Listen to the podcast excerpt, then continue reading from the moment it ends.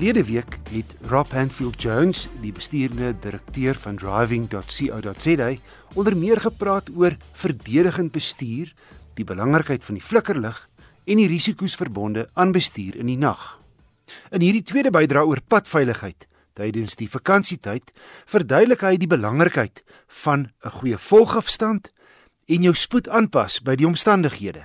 Die hele probleem met spoed is as jy jou in 'n posisie plaas waar jou spoed nie gepas is vir die toestande nie of waar daar 'n baie skielike spoedverandering as gevolg van padomstandighede of verkeersomstandighede kan kom. Byvoorbeeld as mense te naby volg en hier kom die volgafstand in die prentjie in. Almal ry op 'n snelweg teen 120, maar hulle ry te naby.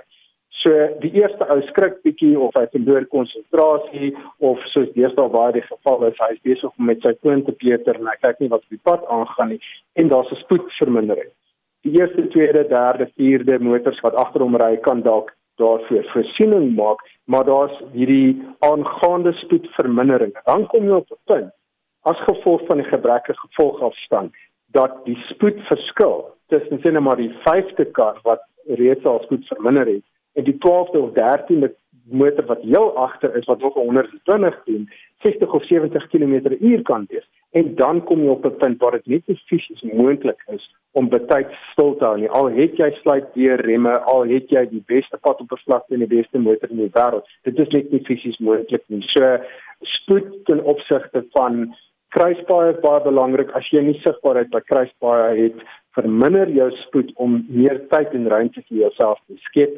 En as jy omdraai gaan, maak seker dat jy jouself heelwat Engels praat hulle van margin for error los. Met ander ja. woorde, moet nou nie teen 110% in die draai ingaan nie. Want die geringste ding, 'n klein oliedruppel op die pad of 'n motor wat effe oor die sterstreep is, 'n bietjie grys wat op die pad lê, kan dan jou Moses wees. Rob en dan sien 'n mens gereeld dat daar 'n uiters gevaarlike ding op ons enkelpaaie plaasvind en kyk dis goed en gaaf wanneer 'n voertuig of 'n stadige vragmotor vir jou aftrek in die geelstreep. Maar sodra jy verbysteek en jou regterwiele gaan oor die middellyn, dan ontstaan 'n potensieel dodelike situasie. Ja, dit is.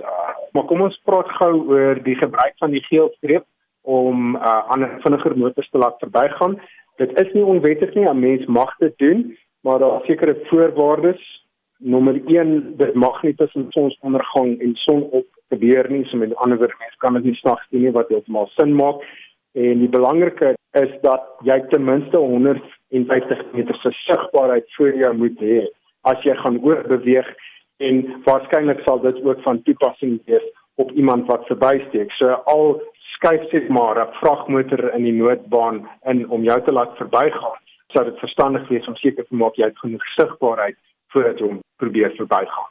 As 'n mens gaan kyk na wat is die sterkste koers van tromp op botsings, sal 'n mens duidelik agterkom dat dit nie 'n goeie idee is om enigstens jou voertuig in 'n posisie te plaas waar jy in 'n tromp op botsing betrokke kan wees want jou kanse vir oorlewing is so klein. So nie net as jy op die geelstreep verbygaan nie, maar enige plek waar jy nie sigbaar is van wat voor aangaan nie. Byvoorbeeld by 'n blinde hoogte, blinde draai, by kruispaaie, moenie die risiko waag om aan die verkeerde kant van die pad te wees want jy weet nooit wat van die ander kant af kom.